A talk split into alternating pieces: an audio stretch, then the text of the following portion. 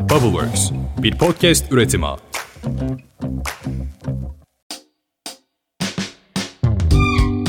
Selamlar, Podcast Boşlara hoş geldiniz. Ben Seha. Ben de Atakan. Bubbleworks Medya'nın orijinal içeriklerinden olan Boş İşleri bu bölümde Sabancı topluluğu tarafından hayata geçirilen Sabancı Arf Almost Ready to Fly hızlandırma programı desteğiyle birlikte hazırlıyoruz ve birbirinden kıymetli konuklarımız da seninle. Leadport kurucu ortaklarından Alper Barut, Sabancı Arf İnovasyon ve Girişimcilik Proje Yöneticisi Batuhan Baybalı, Goin Ülke Müdürü İnodeş kurucu ortağı ve Bubbleworks Medya kurucu yatırımcılarından Baran Gürcan bizimle. Alper, Batuhan ve Baran Boş İşlere hoş geldiniz. Nasılsınız? Hoş bulduk, iyiyiz. Teşekkürler. Merhabalar, burada olmak çok güzel. Sizinle olmak çok keyifli. İyiyiz. Evet böyle vay vay vay dedirten bir kadromuz var açıkçası arkadaşlar. Uzun zamandır bu içeriği hayata geçirmek ve sizlerle buluşturmak için heyecanlıydık. Burada öncelikle bir Sabancı Arf ekibine de çok teşekkür ediyoruz. Bu bölümü sizlerle buluşturmamızda ortaya koymuş oldukları destekler çok çok değerli. Birazcık aslında kalabalığız da ve bol bol da goy goy yapmaya da müsait ama bir yandan da ciddi şeylerde konuşması gereken bir ekip var. Alper bir senden başlayalım istiyorum abi istersen. Çok kısaca şöyle bir bir dakika seni bir hızlı tanıyalım ardından Batuhan ve Baran'la da devam edelim. Merhaba, ben endüstri mühendisiyim. Sabancı Üniversitesi'nden mezun oldum. Daha sonra master'ımı yurt dışında İngiltere'de yaptım, Imperial College'de. Sonrasında da aslında Leadport benim ikinci girişimim. İlk girişimim Eşarj'dan 2018 yılında exit ettikten sonra partial olarak Leadport işlerine başladık. Şimdi epey zaman geçti birlikte. Keyifli serüveni sürdürmeye devam ediyoruz. Alper'le yan yana olunca böyle güzel oluyor. Çünkü ben de Sabancı mezunuyum. Böyle ikimiz hem girişimci tarafı hem de ekosistem tarafı enteresan oluyor. Ben de Sabancı mezunuyum. Sabancı'da son sene girişimcilik tarafında eğitim aldıktan sonra Fransa'da strateji, inovasyon ve girişimcilik üzerine master yaptım. Sonrasında da aslında hep bu alanda kaldım. Yaklaşık 8 senedir girişimcilik ve inovasyon tarafındayım. Kurumsal inovasyon, hızlandırma programları, VC tarafı, yatırım tarafı çeşitli şapkalarda bulundum ve geçen seneden beri de Sabancı Arf'ın programının yürütücülerinden biriyim. Başlangıçta Seha farklı farklı title'lar saydı ama ben kısaca girişimciyim. Daha önce kurum içi girişimci olarak çalışıyordum Anadolu grubunda. Daha sonra da hem girişimlere hem kurumlara girişimcilik serüvenlerinde yardımcı olmaya çalıştım. Ama içimdeki girişimcilik aşkı her zaman devam ediyor. Aynı zamanda beraber yürüttüğümüz girişimimiz de var ve yine Londra'da Inodeş isminde bir B2B SaaS girişimimiz de var. Aslında girişimciliğin hem yatırımcı hem mentor hem danışmanlık hem de birebir girişimcilik kısmında keyifle çalışmaya devam ediyorum. Evet valla bu bölüm için heyecanlıyız açıkçası. Birkaç tane sebebi var. Öncelikle bugün işte Sabancı sürecini daha önceki bölümlerimizde de sizlerle buluşturmuştuk. Bunun bir parçası olarak hem Goin'e hem işte Bubbleworks Medya'yı temsilen bulunuyor olmanın vermiş olduğu bir değer var bizim tarafta. Bir yandan lead süreçleriyle ilgili bu alanda böyle oldukça farklı işlere imza atan ve günden güne de hızlı büyüyen bir lead board'un hikayesini dinleyeceğiz ama bir yandan da işte Sabancı Arf'ın buradaki süreçte ortaya koymuş olduğu değerler işte bir paydaşı olmaktan yine mutluluk duyduğumuz Goin'in neler yaptığı ve bir yandan da tabii ki girişimcilik tarafından da burada şeffaf, dobra, açık bir şekilde bu yorumları almak istiyoruz. Bu üçlünün mentörlük seanslarında ne kadar eğlendiğini, kahkahasının da tartışmasının da bol olduğunu biliyorum. Bir Alper o yüzden sözü girişimcileri böyle kollayan bir kanal olarak sana vererek başlayalım abi. Tabii memnuniyetle. Kısaca bize bir Leadport'u anlatır mısın? Bir de buradaki Sabancı Arf sürecine nasıl başvurdun, sonrasında süreçler nasıl ilerledi? Oralardan biraz daha açalım, derinleşeceğiz. Tabii ki yani Leadport adı üstünde biz leadlerin satışa dönüşünü arttırmaya çalışan bir platformuz. Dolayısıyla şirketlerin Leadlerin büyümesine... kralıyız gibi gireceksin gibi geldi bir an. leadleri, Efendisiyiz. leadlerin efendisiyiz.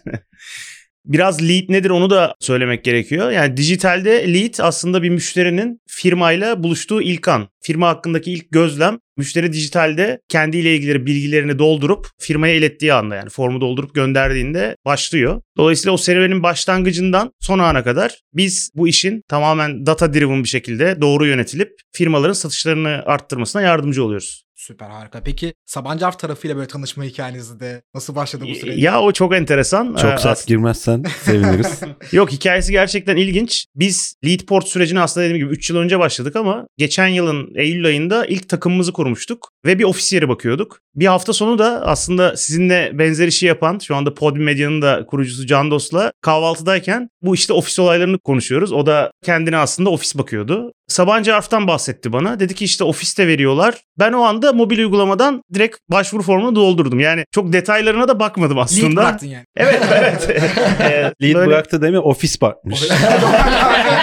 Belli ki ofis bak. Bu arada yani hani- Fotoğraflar da havalı bir de orada. Abi o başvurumuz olsa böyle hani kelime sınırları var ya böyle tam 243 karakter. Ben 243 karakterlik yazıyorum. Yani 3 dakika içinde falan formu bıraktım. Öyle bir başlangıç oldu. Sonrasındaki süreçte Baran'ın da olduğu işin içinde bir video toplantılarına çağırıyorlar. O sırada da ben büyük bir şirkete toplantıya gireceğim tam. Arabanın içindeyim arka koltukta. Laptopu açtım. Çünkü yetişemiyorum ya. Bugün olduğu gibi bugün de aynısı oldu ya. Arabada toplantıya girdim Baranlarla. Oradan da aslında ilk kurumsal müşterim oldu daha sonra o firma. Öyle enteresan bir hikayesi var. Tabii aslında yanılmışım yani. Sadece böyle ofis peşinde orayı yakalamaya çalışan bir girişimciyken Hey gide hey diyor Batuhan burada. Sabancı Harf gerçekten Türkiye'de hızlandırma programları içinde bir ilke imza atıyor bence. Ben biraz yapısını Amerika'daki biliyorsun öncü bir kuruluş var Y Combinator. Ona da çok benzetiyorum. Çünkü konu aslında sadece fiziksel imkanlar değil, değer yaratan önemli kişilerle birlikte olmak, onlarla sohbet etmek. Çünkü hepsi takımın bir parçası oldu bizimle beraber ve süreci birlikte deneyimledik. İşin tabii ki yani diğer aşamalarında konuşuruz ama hem network açısından hem de Sabancı grup şirketleriyle ilk POC'leri başlatmak adına çok önemli katkıları oldu Sabancı Harf'ın. Kesinlikle öyle.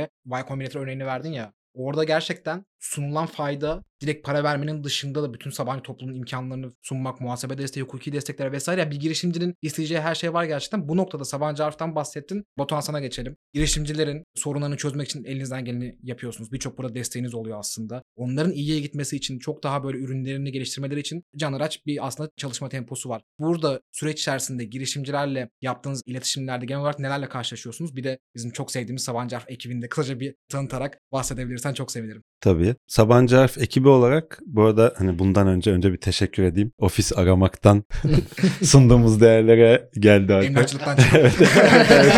Sabancı Sağ- Harf'ın emlakçı mı? Evet, İstanbul'un ortasında bir ofisten daha fazlasıyız diyeyim. Ekip olarak biz dört kişiyiz. Ama ne dört kişi. Teşekkürler, estağfurullah. Elimizden geleni yapıyoruz yani girişimciler için. Bizim ekipçe en büyük farkımız diyelim. Biz gerçekten girişimcilerin yanında olmak istiyoruz. Yani Sabancı grubunun gücü arkamızda ama biz de ekip olarak hani girişimlerle çok haşır neşir olmuş deneyimli bir ekibiz ve onun da aslında fark yarattığını düşünüyoruz yaklaşım olarak. Yani girişimci first düşünerek biraz daha bütün işlerimizi yapmaya çalışıyoruz. Bu da bütün işlerimize yansıyor yani gerçekten pozitif yansıdığını düşünüyoruz. Öyle de girişimcilerden geri bildirim de alıyoruz. Yeliz var direktörümüz. Yeliz uzun zamandır Sabancı bünyesinde çalışmış biri. Aynı zamanda da Birisa'nın girişimcilik programlarını başlatmış. Onu çok güzel seviyelere getirmiş biri. O yüzden direktörümüz olarak da aslında girişimcilerle çalışmayı seven ve o değeri çok farkında olan biri. Bu da aslında bize de çok pozitif yansıyor. Hatta bu arada kendisi önceki bölümlerimizde de konuğumuz kulak vermek isteyenler oraya da bakabilir. Diye böyle ben de lead kasayım hemen. Ben de, ben de Alper'den aynı şey- aldığım ilhamla. aynı şeyi ben de söyleyecektim. Benim gibi aynı zamanda ekip arkadaşım Övgü var. Övgü de ekosistemde büyük bildiğimiz oyunculardan gelen biri transfer. Böyle birazcık hani geçmişinde de bilinen bir ekibi toplamış oldu Yeliz. Biz de çok güzel hani birlikte çalışıyoruz. Bir de son olarak da Aymila'mız var. O da ekosistemde çok sevdiğimiz Girvak'tan bulduğumuz hala öğrenci olan ama hem öğrendiği hem de girişimcilere ve bize çok büyük desteği olan bir ekip arkadaşımız. Böyle küçük kor bir ekibiz. Ama elimizden geldiği kadar artı Sabancı'nın bütün imkanlarından da destek alarak girişimcileri hızlandırmaya çalışıyoruz. Bize gelen girişimcilerde hatta Alper'le de çalışmıştık. Product market fit yani ürün pazar uyumunda yani biz birazcık daha erken aşama girişimlerle çalıştığımız için yani prototipi veya MVP'si tamamlanmış girişimlerle tam böyle %100 oturmuş olmuyor veya yeni pazara çıksa da hani orada hala bir sürtünme yaşıyor olabiliyorlar. Bu tarafta biraz sıkıntı görüyoruz ve onu gerçekten aslında programın amacı olarak da biz grup şirketleriyle eşleştirme yapıyoruz. Farklı mentörlükler veriyoruz veya örnek veriyorum değerleme tarafında sıkıntısı olabiliyor. Satış tarafında sıkıntısı olabiliyor. Onlar için de eğitimler ayarlıyoruz. Hem grup içinden hem ekosistemden uzman kişiler tarafından. Onların o tarafını geliştirmesini sağlıyoruz. Pazarlama tarafında bazen eksikler olduğunu görüyoruz. Burada da hani doğru müşteriye doğru mesajı ulaştırmak veya pazara çıkış stratejilerinde doğru konumlandırmak. Bunların hepsi tabii bir günde olmuyor. Yani uzun vadede olan bir şey. O yüzden 20 hafta biz onlarla çalışıyoruz. Ekibinin bir parçası olarak çalışıyoruz. Bugüne kadar çok şükür diyelim. Gerçekten hani bütün girişimcilerimizle güzel güzel çalıştık ve onları bir yere getirmek kişisel olarak da aslında bizim ekibi çok mutlu ediyor. O yüzden hani bu bir bizim için bir görevin dışında girişimciyle birlikte ileriye gitmek. Alper'in de o zaman işte kapattığı bir satış olabiliyordu. Uzun zaman görüşmek istediği bir müşteri olabiliyordu. Onun iyi geçmesi vesaire bunlar bizi çok mutlu ediyor. Burada benim eklemek istediğim bir şey var aslında. Şimdi girişimcilik biliyorsunuz risk alma işi. Dünyada şu anda 500 milyondan fazla girişim olmuş neredeyse. Yani yeni bir iş doğası ve ekosistemi gelişiyor. Fakat sanılanın aksine bu çok uzun bir yolculuk. Dolayısıyla aslında herkesin böyle tutkulu olduğu işi yapması gereken bir yolculuk. Ve bu yolculukta birçok unicorn olmuş örneğe baktığınızda bu ürün pazar uyumunu hatta yani product'ın lansmanını 4. 5. yıllarda yapıp sonraki bir senede ürün pazar uyumunu bulmuş. Sonrasında kalan 2-3 senesinde o satışlarla unicorn olmuş bir sürü örnek var. Yani gerçekten uzun bir yolculuk. Herkesin aslında her girişimcinin başta düşündüğü gibi çok kısa bir süreç değil. Bu yolculukta gerçekten uzun süre boyunca yanında olacak yatırımcıların olması çok önemli ve Arif'in programı kapsamında yani çok büyük bir yüzdeyle en azından ilk turda bu girişimlere yatırım yaptılar. Dolayısıyla bu uzun yolculukta aslında kuvvetli ve destekleyici bir ortak girişimciler için çok değerli onlarla birlikte olmak. Kesinlikle öyle. Ürün pazar uyumunu bulma hikayesi biraz aslında girişimcilik. Gerçekten 5-6 yılda sürebilir. Daha fazla olabilir ve burada gerçekten ciddi sıkıntılar yaşıyor girişimciler ve bunları da aslında çözmek için de böyle topyekun bir mücadele gerekiyor. Sabancı Arp bu konuda çok iyi bence. Ayrıca burada Goin tarafına dönmek isterim. Buradaki sürecin dizaynında inovatif açıdan stratejileri de biraz Baran senden dinlersek çok iyi olur. Elbette. Ben ilk önce Alper'in başvuru süreciyle ilgili içeriden gıybetle başlamak. Güzel.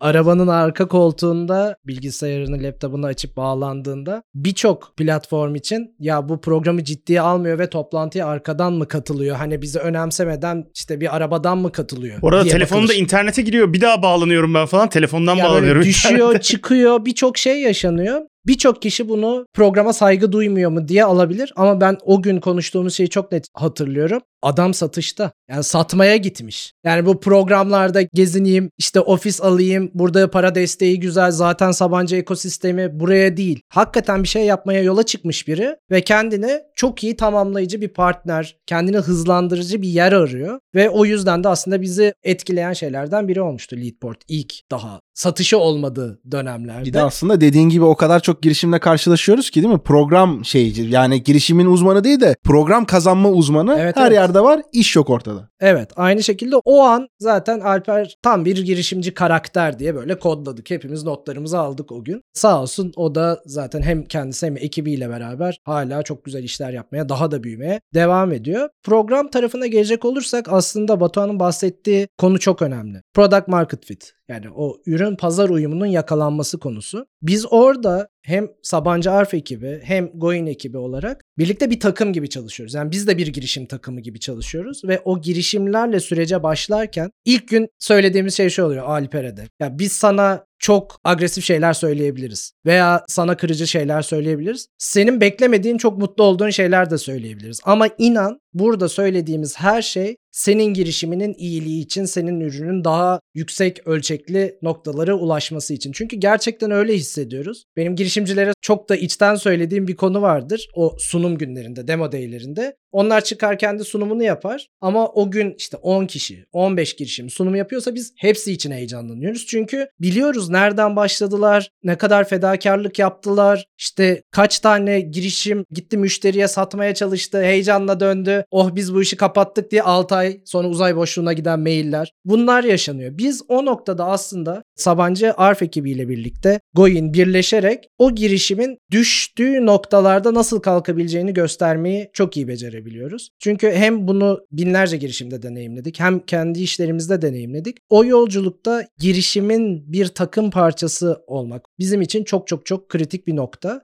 Bir yandan da aslında bu programın asıl amacı gerçekten ölçeklenebilir, globale gidebilir işler yaratabilmek. O yüzden de yaptığımız çalışmalar, haftalık görüşmeler veya orada uyguladığımız metodolojiler sonucunda ödül alacaksınız siz, şöyle olsun böyle olsun veya bir reklam olarak sizi paylaşırız değil. Gerçekten iş yaratmak istiyoruz biz. Gerçekten iş çıksın. Dünyada ya Türkiye'den ne güzel işler çıkıyormuş dedirtecek işler çıksın diye çıktığımız bir yolculuk. O yüzden stratejiden ziyade niyet bizde çok farklı. Gerçekten bu işin sonunda iyi, ölçeklenebilir iş modelleri, kullanıcının ihtiyaçlarını çözen iş modelleri ortaya çıksın. Tek hedefimiz bu. O yüzden de buna inanan girişimler olduğunda, bunu almayı kabul eden girişimler olduğunda zaten etkisi ortaya çok rahat bir şekilde çıkıyor. Burada çok önemli bir kısım var. Baran'ın değindiği. Şimdi girişimciliği en zorlayanlarından biri inişlerde çıkışlarda aslında kendi kendini motive etmek ve tekrar ayağa kalkmak. Orada doğru takım oyuncuları çok önemli. Yani birçok hızlandırma kuruluşunda konuştuğunuz şeyler sizi tatmin etmiyor ya da motive etmiyor ya da yeni kapılar açmıyor. Ama burada gerçekten Batuhanların tarafı hem Sabancı Arf ekibi hem Goin tarafı Baran gerçekten kurucu ortak gibi fikirleriyle ne yapılabilir, yeni use case ne öğretilir. Çünkü bu ürün pazar uyumu biraz şöyle algılanıyor ya. Pazara gideceğiz, ürünü geliştireceğiz, geliştireceğiz. Tam pazar uyumu. Aslında burada iki taraflı bir süreç oluyor. Yani bir eğitişme süreci. Siz pazarı öğrenirken bir yandan da ürününüzü pazarda tanıtıyorsunuz. Siz de pazarı eğitiyorsunuz ve bunun için de iyi use case'ler yakalamanız gerekiyor. Bu use case'leri yakalarken de güçlü bir ortakla yaptığınız işbirlikleri ve önemli POC'ler sizin için büyük referanslar oluyor ve daha çok referans daha çok kapıyı açıyor. Dolayısıyla bu ekibin yani hem Goin ekibi hem Sabancı Arf ekibinin orada verdiği aynı takımda olma hissi çok değerli bence girişimciler için. Burada hemen üstüne birkaç böyle detay vereyim. Programda biz katılan girişimcilerde onlara büyük faydalarımızı sıralamamız gerekirse her girişime ürünlerini geliştirmesi için 30 bin dolar bütçe veriyoruz program boyunca. 20 hafta aynen Alper'in dediği gibi onların yanında kurucu ekip gibi sürekli görüşüyoruz. Haftada iki görüşüyoruz. Bayağı yoğun bir program oluyor. Zor bir program oluyor aslında onlar için de. Ama bizim tüm derdimiz onların gerçekten geldiği ve çıktığı süreç içerisinde gelişmesini sağlamak.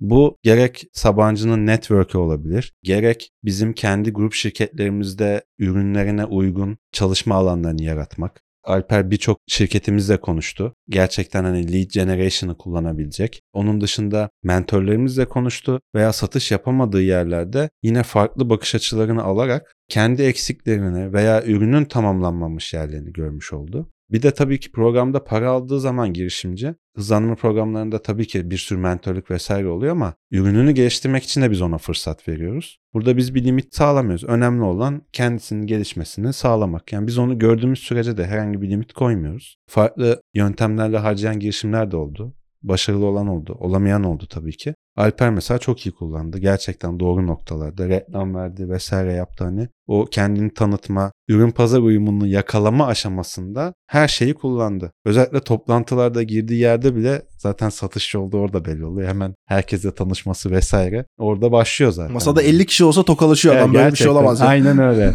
hani bizim ya jüri gününde de tam böyle çıkarken herkese teşekkür etti falan. Üst yönetim dinliyor sonuçta. Herkes böyle bir bu adam tamam ya falan. o şeyi alıyorsunuz yani. Direkt o vibe'ı veriyor gerçekten. Bu arada ben de şey ekleyeyim. Network konusunda Batuhan'ın kendisi network'ün kendisi yani. Network is the Batuhan yani. Öyle bir durumu da var. Hani özellikle burada girişimci dinleyicilerimiz aslında Tio'nun olduğu çok fazla şey var ama Batuhan'ı ben olsam LinkedIn'den darlarım yani. Birine ulaşmak istesem. Ve beni, benim Nasıl iyi yaptım mı bilmiyorum patlattın şimdi. Hazır anlatıyorken şey de söyleyeyim tabii program dediğim gibi 20 hafta sürüyor. Biz arada diğer şirketlerle de tanıştırıyoruz. Yani sadece kendimize hiçbir zaman saklamıyoruz girişimi. Başka yatırımcılar çağırıyoruz çünkü sonuçta orada olay kilometre yapması girişimcinin. Bize saklama gibi bir niyetimiz asla yok. Yatırımcıları çağırıyoruz, büyük kurumsal şirketleri çağırıyoruz veya ilgili olan insanlara sürekli paylaşım yapıyoruz gerçekten o ekosistemde birleştirici olmak için. Programın sonunda da Sabancı'nın yönetimi artı dışarıdan da dış görüşlere de açık bir jüriye sunum yapılıyor ve onlar yatırım kararını veriyor. En sonunda da eminim sen de çok faydalanmışsındır. Bir demo day yapıyoruz herkesi çağırdığımız. Orada açıklıyoruz. Totalde de hani hızlandırma programı artı yatırımımızla birlikte de girişimlere 250 bin dolar toplamda yatırım yapmış oluyoruz ki bu da Türkiye'de bayağı hani ciddi bir rakam. Biz de bununla gurur duyuyoruz ve girişimciler asla birbiriyle yarışmıyor. Bir de bu çok büyük rahatlık veriyor. Sana da öyle vermiştir diye düşünüyorum. 1, 2, 3 diye bir seçim yok. Gerçekten hani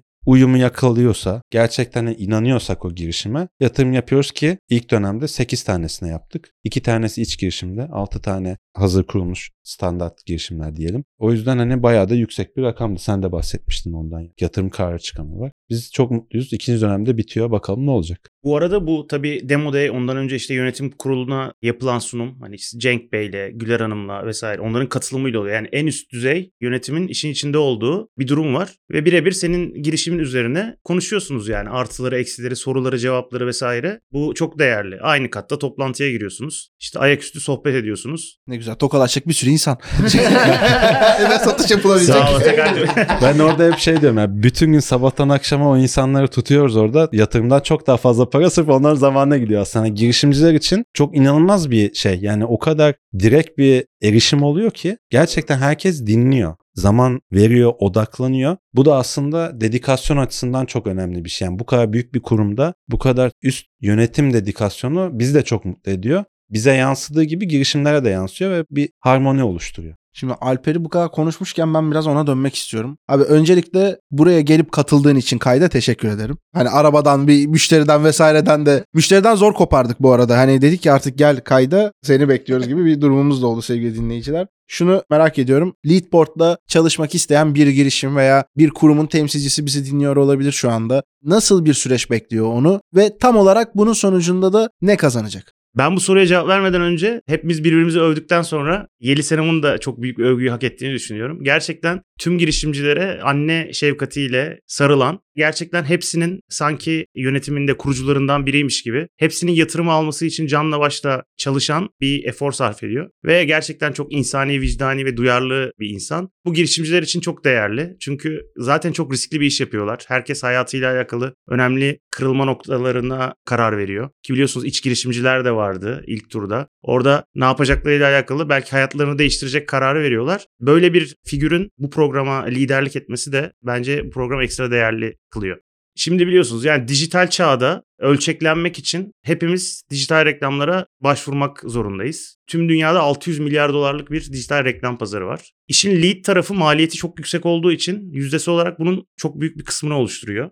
Leadler için bu kadar para harcanıyor ama bu leadler çok kötü yönetiliyor aslında. Yani bunların birkaç datasını vermek isterim size. Lead firmaya geldiğinde ortalama ilk geri dönüş süresi 48 saat. Leadlerin %24'ü hiçbir geriye dönüş alamıyorlar. Ve satışçıların %44'ü leadleri sadece bir defa arıyor. Şimdi bu dataya biraz daha tersten bakarsak Harvard'ın yaptığı bir çalışma var. 1,5 milyon lead'de 3000 firmada yapıyorlar bu çalışmayı. Bu çalışma şunu gösteriyor. Eğer lead geldiği anda ilk dakika içinde temasa geçerseniz satma ihtimaliniz 4 kat artıyor. Bu zaten Leadport'un altın arama diye tanımladığı bir mikro ürünü. Yani lead size hangi kanaldan gelirse gelsin doğru kural setlerine göre doğru satışçıyla lead'i birbirine bağlıyoruz. İkinci kısmı işin takip kısmı. Leadlerden gelen satışların %80'i minimum 5 takip araması sonucunda gerçekleşiyor. Ve Leadport otomatik takip sistemi sayesinde sizin aslında hiçbir zaman leadlerinizi unutmamanızı ve onları takip etmenizi sağlıyoruz. Aynı zamanda da tüm bu dijital kayıtları kayıt altına alarak aslında tüm ekibe koçluk ve mentörlük yapmış oluyoruz. İşe biraz daha farklı bir açıdan bu arada bakacak olursak firmalar tarafından baktığımızda dijital pazarlamaya para harcıyor firmalar. Neyi hedefliyor? Ölçebilir, hedeflediği müşteriye giden bir yatırımı var ve bunun satışa dönmesine uğraşıyor ama bu leadlerle ilgilenmiyor. İşin müşteri tarafına bakarsak biz lead formlarını dolduruyoruz. Çünkü 5 tane yerden teklif almak istiyoruz. Oysa ki eğer bu teklifi biz almak istersek minimum bir saatimizi alacak. Call center'larda kaybolacağız. Doğru kişiye ulaşmaya çalışacağız. Doğru bilgilere ulaşamayacağız. Onun yerine bir form doldurarak aslında birçok firmadan bize geri dönüş yapmasını sağlıyoruz. Ve burada ilk arayan firma genelde satışın %50'sini yapmış oluyor. Dolayısıyla Leadport kullanın en değerli satış anını kaçırmayın. Bölüm bitse de Leadport alsam diye. Siz leadleri nereden topluyorsunuz diye böyle bir komik sorum olsa. Evet ya değişik kanalları deniyoruz. Biz şu anda kendi hedeflediğimiz lead listlerimizi oluşturarak onlarla toplantı alarak ilerliyoruz. Ama şu anda yeni çıkaracağımız üründe daha SaaS, daha dijital bir ürün olacak. Çünkü şu andaki üründe kurulumları biz yine kendimiz yapıyoruz müşterilere. Yani online olsa bile her müşteri için özel bir kurulum yapıyoruz. Yeni üründe tamamen dijital satılabilen ve kredi kartıyla alınıp kurulan bir platform olacak. Burada aslında lead değil de biz biraz daha trafik reklamı yapacağız. Çünkü bizim conversion'ımız biraz daha farklı olacak. Daha çok trafik reklamıyla ilerleyeceğiz. Kendi leadlerimizi ama Leadport'la takip ediyoruz. Yani bize web sitesinden, LinkedIn'den veya sosyal medya kanallarından gelen tüm müşteriler 7 saniye içinde aranır. Dinleyen herkes bu arada test edebilir. Birebir bunu canlı olarak yaşarlar. Şimdi Ve tüm te- müşteri yakın yakın telefonlar arkadaşlar. Herkes hepsi Alper'e düşüyor arayın.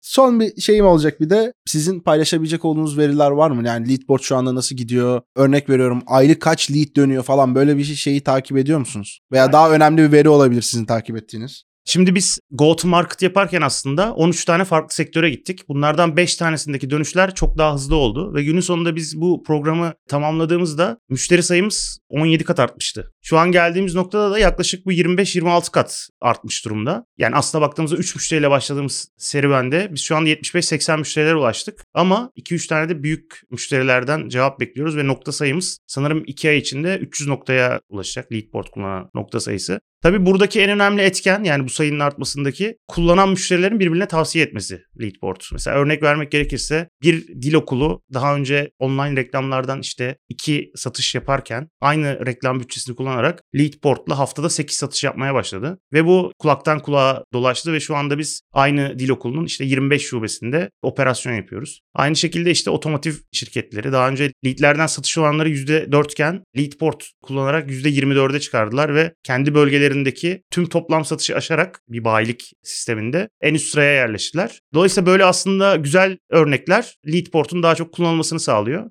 Ya gerçekten hepinizden böyle ortak şey noktası aldım ben. Gerçeklikten bahsediyoruz. Hem program sürecinde gerçekten bahsettik hem de lead'de aslında lead toplamada girişimcilerin gerçekliği ve müşteriyle yüzleştiği bir an oluyor. Goin burada binlerce bu zamana kadar girişimle görüşmüştür. Bir satış cycle'ından bahsediyoruz. Satmak, lead'i getirmek, sonrasında hizmeti devam ettirmek. Oradaki cycle'da sizin böyle gördüğünüz, deneyimlediğiniz girişimcilerin en çok hata yaptığı konu diyebileceğin ve neleri doğru yapmaları gerekiyor diyeceğin şeyler varsa Baran çok iyi olur. Elbette Alper çok güzel noktalara değindi. Zaten bir lead geldikten sonra cevap alamayan müşteriler en büyük sıkıntılardan bir tanesi. Erken aşama girişimlerde aşaması fark etmeksizin çok önemli ama erken aşama girişimlerde ürününü sunduğu değeri doğrulamak çok değerli. O sunduğu çözümü karşıda müşteride gerçekten bir karşılığı var mı, bir satın alma eğilimi var mı veya bir değer verip karşılığında bir şey vermeye razı mı? Bunu test edebilmek çok değerli. O yüzden girişimcilerin sıklıkla yaptığı hata o ürünüm hazır değil daha müşteriye götürmeyeyim diye daha en baştan yaptıkları bir hata var. Hadi onu açtılar MVP'leriyle daha insan içine çıkabilir ürünleriyle çıktılar müşteriye. Test etmek için işte lead topladılar veya bir başvuru topladılar. Bu başvuruyu topladıktan sonra gelip bize sadece şunu anlatabiliyorlar. İşte biz 100 müşteriye ulaştık. Bu 100 müşteriden de 35 tanesi bize mail adresini bıraktı. Çok iyi değil mi? Acayip iyi başarı elde etmişiz. Süper. 35 kişiyle görüştünüz mü? Yok. Yani topladık işte.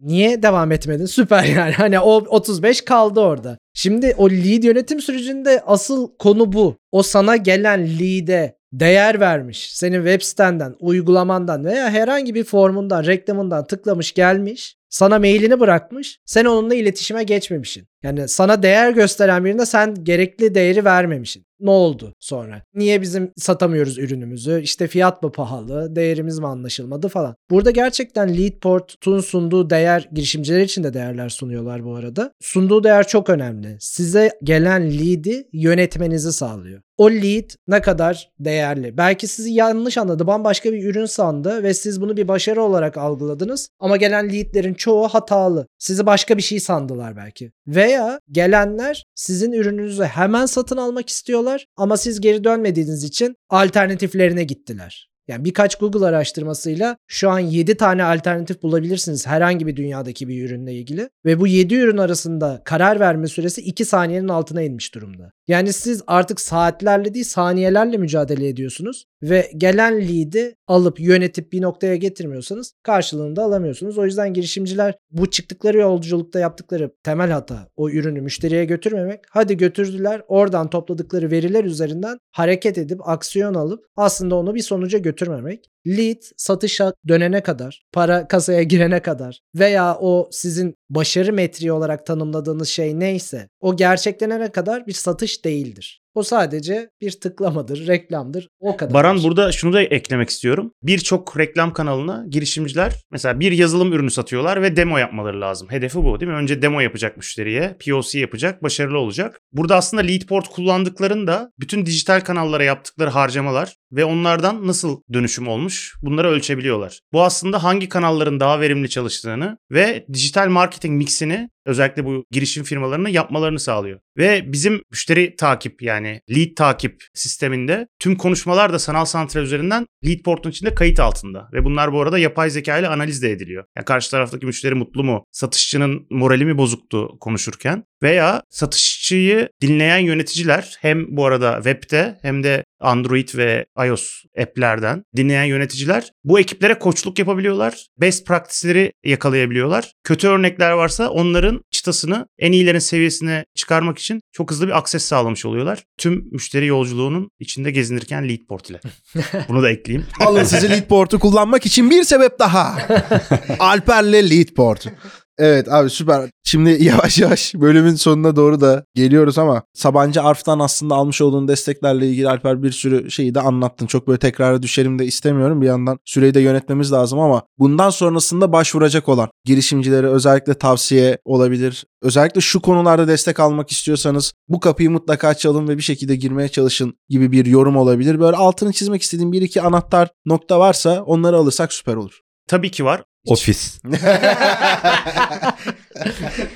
Şimdi çoğu girişimci hani teknolojiyle alakalı bir girişim yapıyor ve buradaki en önemli sorunlardan bir tanesi bence işin teknik boyutu. Yani kesinlikle ortak bir kurucu ortağa ihtiyaçları var. Yani bu iş işte yazılım evlerine, ajanslara giderek fikirlerini belki valide etmek için ya da MVP için böyle araçlar ya da işte böyle yardımcı third party firmalarla işbirlikleri yapılabilir. Ama iş eğer bir ürün lansmanı yapılacak, ürün pazar uyumu yakalanacak ve bu ürün çıkıp sahada koşacaksa kesinlikle doğru bir teknik ortağa ihtiyaçları var. Yatırım alacakları zaman kesinlikle yatırımcıları akıllı seçmeleri gerekiyor bence. Yani smart money'e gitmeleri lazım. Sadece para gerçekten çok önemli değil. Yani çünkü orada işin içine giren herkesin network'ü işe dahil oluyor. İşin içine giren herkesin inanması projeye. Onlar inanınca takım arkadaşları daha çok inanmaya başlıyor. Takım arkadaşları inanınca onların çevreleri inanmaya başlıyor. Bu iş kar topu gibi büyüyor. Yani teknik bence ortak çok önemli ve parayı ararken özellikle akıllı para iyi aramalarını tavsiye ederim. O yüzden de Arf'ın kapısını çalın mı diyoruz en sonunda orada. E tabii yani kurumsal zekası yıllar boyunca yani Sabancı Holding'in zaten bütün hikayesi bir girişimcilik hikayesi baktığınızda. Kurucularından başlayan. E burada da bir kurumsal hafıza oluşmuş durumda. Bence daha iyi bir smart money olamaz Türkiye'de. Kesinlikle öyle. Teşekkür ediyoruz bu yorumlar için. ya ben bazen böyle çok fazla işin içinde olmasam da işte programlarda yaptık. Goin'le de bayağı iyidir aram. Sabancı Harf'ta böyle hep şey sıkıntısı yaşıyorum ben. Anlatılanlar o kadar iyi ki yani şey için böyle reklam olsun diye de söylemiyorum. Bu bir sıkıntı mı? İşte yani çok iyi olduğu için yani her Mutlu kanadıyla bir birlikte. Aynen öyle. Çok böyle şaşkınlık duyuyorum gerçekten bu kadar. Bütün tarafların dizayn edilmesine. Onun için aslında bu sorumdan da biraz çekiniyorum. Şimdi gelecekte Sabancı Harf'ı nerede göreceğiz? Nereye gitmek istiyorsunuz sorusunu çok merak ediyorum. Ne olabilir ki yani? Ne yapacaksınız? Üstüne ne koyacaksınız? Teşekkür ederim güzel yorumlar için. Aslında bu demin de bahsettiğim yani biz ekip olarak hani ekosistemden gelen bir ekip olduğumuz için sürekli girişimcinin yanında olmaya çalışıyoruz ve biz de sınırları zorluyoruz aslında. Yani Sabancı Holding'de de yaptığımız bu çalışma bir ilk. Yani çok kurumsal bir dünyada bu kadar girişimcilerle haşır neşir çalışmaya bir anda başlamak gerçekten zor. Ama dediğim gibi yani bütün yönetimin desteğiyle de olan bir şey olduğu için gerçekten hani desteği hissediyoruz. Yardımcı olmaya çalışılıyor. Sorun olursa çözülmeye çalışıyor. Girişimlerde de bazen hani biz sorunlar yaşayabiliyoruz yani kurumsal dünyadan ama çözülüyor elinde sonunda. Önemli olan bu. O yüzden ben hani bu açıdan çok hem kendim olarak mutluyum hem de girişimlere sağladığımız faydayı da biz görebiliyoruz. O yüzden too good to be true değil gerçekten yapıyoruz. Şey de söyleyeyim. Öncelikle gelecekten bahsediyorken podcast'i dinleyenler çok olacak. Böyle net tarih vereyim. 18 Aralık 2023'te yeni döneme çıkıyoruz. Her sene iki dönem yapıyoruz. Yani yeni çağrı dönemi açılacak 18 Aralık'ta. Başvuruları toplayabiliriz. Planlarımız olarak da şu an güzel dönüşler alıyoruz. Bunu sürdürülebilirliğini sağlamak önemli. Şimdi ikinci tur bitiyor. Kimlere yatırım yapacağımızı göreceğiz. Kimleri seçeceğimizi girişim olarak. Üçüncü tur, dördüncü tur devam edecek. Yani burada biz sürekliliğini sağlamaya çalışıyoruz. Aynı zamanda şu an planlarımızda iki konu var. Bir, yatırım yaptığımız girişimcileri biz her zaman global odaklı seçip globale gitmesi için aslında onları her zaman push ediyoruz. Ve bunun en önemli şey de globale gidebilecek ortamlarda bulunmak. Bizim önümüzdeki dönemdeki iki planımız biri global konferanslarda yer almak Sabancı Harf olarak ve girişimlerimizi oraya götürmek. Bunun için işte farklı konferanslara katılıyoruz, deneyimliyoruz hangisi en faydalı olabilir. Ya girişimlere bilet almak gibi fırsatlar sağlayacağız ya da hani bizde olursa imkanımız stand açarak girişimlere götürdüğümüz bir süreç işletmek istiyoruz. Yani planlarımızda var. Umarız gerçekleşir. İkincisi de her ne kadar biz Türkiye'den globale girişim taşımaya çalışıyorsak globalden de Türkiye'ye çekmeye çalıştığımız bir şey yapmak istiyoruz. Yani bir süreç işletmek istiyoruz. Bunun için de şu an başladık bu dönemde. Bir denemesini yapıyoruz. 3 tane yabancı girişim seçtik. Onlar ikinci dönemde yani 20 haftanın 10. haftasından itibaren biz arada bir sunum yapıyoruz. Oradan itibaren içeriye aldığımız hızlıca grup şirketleriyle tanıştırıp bir use case çıkartıp sonrasında da yatırım yapma sürecine gittiğimiz bir şey deneyeceğiz. Burada da programda şunu görüyoruz. Sadece accelerator değil aynı zamanda yatırımcı da oluyoruz. İkisi bir arada. Burada business case'i match edip doğru noktada doğru seviyede girmeye çalışıyoruz. Böylece bu da bizim aslında Sabancı'daki global stratejilerimize uyuyor. Yani dünyanın Sabancısı dediğimiz noktada biz de aslında Türkiye'den dünyaya götürürken dünyadan da Türkiye'ye getirdiğimiz ve yine aynı şekilde global gücümüzü kullandığımız bir süreç işletmek istiyoruz. Harika bir noktaya gitti konu. Şu anda gerçekten podcast boşların böyle en kıymetli bölümlerinden bir tanesini yapıyoruz bence. Çünkü çok fazla gerçeklikten bahsettik. O anlatılanlar inanılmazdı. Hepinizin de aslında hikayesi de oldukça ilgi çekici. Bizim boş işlerde son iki sorumuzda klasik iki tane sorumuz var. Bir tanesinde sizlerden bir illa girişimcilikle ilgili olmasına gerek yok. Bir hobi, metodoloji olabilir, kitap önerisi olabilir, film önerisi olabilir. Hayatınızda olumlu yönde değiştiren de bir şey olabilir. Baran Bey'den başlayalım. Ben bir kitap önererek başlayayım. Tek Bir Şey diye Gary Keller'ın bir kitabı var. Özellikle farklı farklı birçok alanda işle ilgileniyorsanız bu tek bir işte de farklı işlerle ilgilenmek olabilir. Bazen odağımız çok kayboluyor ve biriken hiçbir şey yapmıyormuş gibi hissettiğimiz anlar yaşayabiliyoruz. Tek bir şeyi yapmanın metodolojilerini sunan bir kitap. Gerçekten de çok etkileyici bir kitap. Son zamanlarda okudum. Herkese ben onu önermek istiyorum. Süper. Batuhan sendeyiz. Ben birkaç nokta görüyorum genelde. Biri kendimden de aslında reflekte ettiğim diyeyim. Yarı profesyonel veya profesyonel bir spor yapmış olan founderların aslında dayanıklılığı ve inanmışlığının daha yüksek olabileceğine inanıyorum. Çünkü hep bir dedikasyon vardır ve girişimcilik de aslında bir konuya odaklanmak, büyümeye odaklanmak, ürünü bitirmek hep böyle bir şey var ve bildiğiniz üzere çok fazla inişli çıkışlı. Bu da aslında her zaman şeye denk geliyor. Yani bir spor müsabakasına eğer çalışıyorsanız bir gün çok kötü antrenman olur, bir gün çok iyi olur ama her zaman bir yere koşarsınız, bir amacınız vardır. O yüzden ben bunu önemsiyorum. Girişimcilerde de gördüğüm bir yine yaklaşım. Benim fikrim var. Ben milyonları toplarım. Facebook gibi ben işte IPO da yaparım, akarım giderim. Aslında öyle olmuyor dünya. O yüzden birazcık daha şeyi ben öneriyorum. Yani dünya nasıl dönüyor? Yani senin fikrini herkes biri fikir yapsın da ben ona yatırım yapayım diye beklemiyor. Bunun için de benim okuduğum kitap vardı. Çok hani değişik bakış açısı. Aslında teknolojiyi de seven biri olduğum için. Roket milyarderleri. Gerçekten hem Silikon Vadisi bakış açısını anlatıyor hem de girişimlerin devlete nasıl girdiğini, devlete nasıl girdiğini derken devlet projelerinde girişimciliğin öne çıktığı yani orada çok farklı bakış açılarını, farklı şirketleri görüyorsunuz. Bu kadar. Yani daha üstüne koymamı istiyorsanız bilmiyorum yani. Alper sen buradan nasıl alacaksın bakalım? Abi şöyle aslında başta kendi deneyimlerimden yapacağım birkaç öneri var. Girişimciliğin avantajları var. Bir, herhangi patrona bağlı çalışmıyorsunuz. Çalışma saatleriniz esnek oluyor. Yani ne zaman çalışacağınızı siz karar verebiliyorsunuz. Bu genelde sizin aleyhinize işliyor bu ikinci mekanizma. Çok daha fazla çalışıyorsunuz. Ama verimli olduğunuz anlarda çalışıyorsunuz ve kendi istediğiniz işi yapıyorsunuz. Önce girişimciliğe uygun bir karakteriniz var mı yok mu? Bence kesinlikle bunun bir checklistinden geçmek lazım. Yani ben meraklı mıyım? Başkasının altında çalışmak istemiyorum. İşte zamanım esnek olsun. Bunlar çok güzel. Herkes ister gibi geliyor. Ama bunun bir de karşı tarafı var. Çok az gelirle yaşayabilir miyim? Şirket çok kötü giderse batarsa 5 yıl boyunca işte kendime kariyer yolu da çizemedim. Ne olacak? Doğru bir takım kurdunuz. En yakın arkadaşlarınız da oluyor genelde. Bu inişler çıkışlar en yakın arkadaşlarınızı kaybetmenizi sağlayabiliyor. Çoğu zaman stresten dolayı ailenizle kavga edebiliyorsunuz. Ailenizin büyük destek vermesi gerekiyor bu süreçte. Eşinizin ya da kız arkadaşınızın inanılmaz destek vermesi gerekiyor. Yani aslında bütün ilişkilerinizi riske attığınız, gelirinizi riske attığınız, belki hayatınızı riske ettiğiniz bir serüvenin içine giriyorsunuz. Bu kadar stresi gerçekten kaldırabilecek misiniz? Yani buna hazırlıklı olmak gerekiyor. Çünkü dışarıdan göründüğü gibi çok da pembe bir dünya değil. Dolayısıyla önce karakter olarak uygun musunuz? Bunu iyi irdelemek gerekiyor. İkincisi kesinlikle hep biz product market fit diyoruz ya aslında. Founder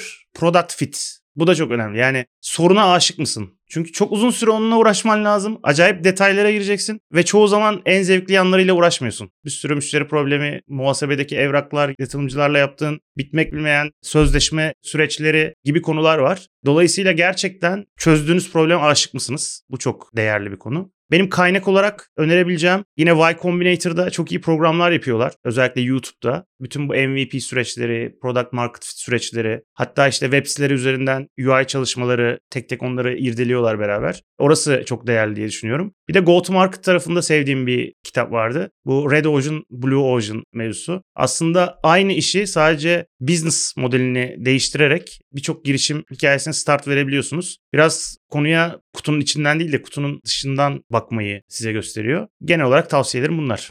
Eyvallah abi. Hepinizin ağzına sağlık. Zaten bölümün bizim için ne kadar keyifli olduğunu ve dinleyicilerimiz için de ne kadar anlamlı olduğunu defalarca söyledik. O yüzden bir daha tekrar etmek istemeyerek tekrar etmiş oluyorum. Bizim boş işleri bitirirken aslında hep yaptığımız da klasik bir bitiriş daha var. Diyoruz ki biz bu işe girişimcilik boş iştir diye nazire yaparak çıktık ve aslında bu işin ne kadar dolu olduğunu ve değerli yönlerini ispatlayan sizler gibi değerli konuklarla yaptık bunları. O yüzden Alper bir yeniden hızlıca sana verip turu bu sefer Baran'da tamamlayacak şekilde girişimcilik nokta noktadır diye sözü sana versek. Senin için nedir olarak doldurursun. Aslında konuşmanın içinde birçok detayını paylaştık ama girişimci fırsatlar arayan ve doğru fırsatlara yaratıcı ve inovasyon çözümleriyle çözüm bulan bir risk alıcıdır diye tanımlayabilirim ben. Risk alıcıdır kısmını alsak uygun mudur? Fırsatı Paylaşım. da alırsam tamam oradan bir kombin yapacağız biz. Eyvallah. Batuhan sendeyiz abi. Yani girişimcilik biraz deli işi ya. Onu benimsemek lazım. Yani kabul etmek gerekiyor. İçinde yaşamak lazım ki o şeyi hani hayat biçimi gibidir aslında. Ben o yüzden meraklı delilik demek istiyorum. Çünkü merak etmeden de öğrenemiyorsun. Kafanı da her yere sokup çalışman gerekiyor. Kuru kuru delilikle de olmuyor. Aynen öyle. ben böyle demek istiyorum. Benimki birkaç kelimeden uzun olacak ama artık siz onu Toparlarız ya. editte ayarlarsınız diyelim. Benim için girişimcilik asla terfiye almayacağın problem çözme sanatıdır. Hadi Adam kesin bitir- bitirdi. Noktayı koydu. Eyvallah. Bizim konuklar da böyle. Baran da buna çalışmış gelmiş. Rüyalarında görmüş ya resmen gece valla. Ama teşekkür ederiz. Hepsi gayet güzeldi. Evet gerçekten çok çok teşekkür ediyoruz. Girişimcilik dünyasında masanın aslında her tarafını sizlerin de hikayeleriyle birlikte dinlediğimiz için oldukça mutluyuz. Hem dinleyicilerimiz açısından hem de boşlar açısından bizim için çok keyifli ve eğlenceli bir bölümdü diyerek kapanışa doğru da geçiş yapıyorum. Podcast Boşitler'in Sabancı Arf Almost Ready to Fly desteğiyle hazırladığımız 50. bölümünü dinlediniz. Leadboard kurucu ortaklarından Alper Barut, Sabancı Arf İnovasyon ve Girişimcilik Proje Yöneticisi Batuhan Baybalım, Coin Ülke Müdürü İnodeş kurucu ortağı ve Bubbleworks Media kurucu yatırımcılarından Baran Gürcan bizlerleydi. Bizi dinlediğiniz için çok teşekkür ederiz. Önümüzdeki bölümlere dek kendine çok iyi bak. Görüşmek üzere. Görüşmek üzere. görüşmek üzere. Görüşmek üzere.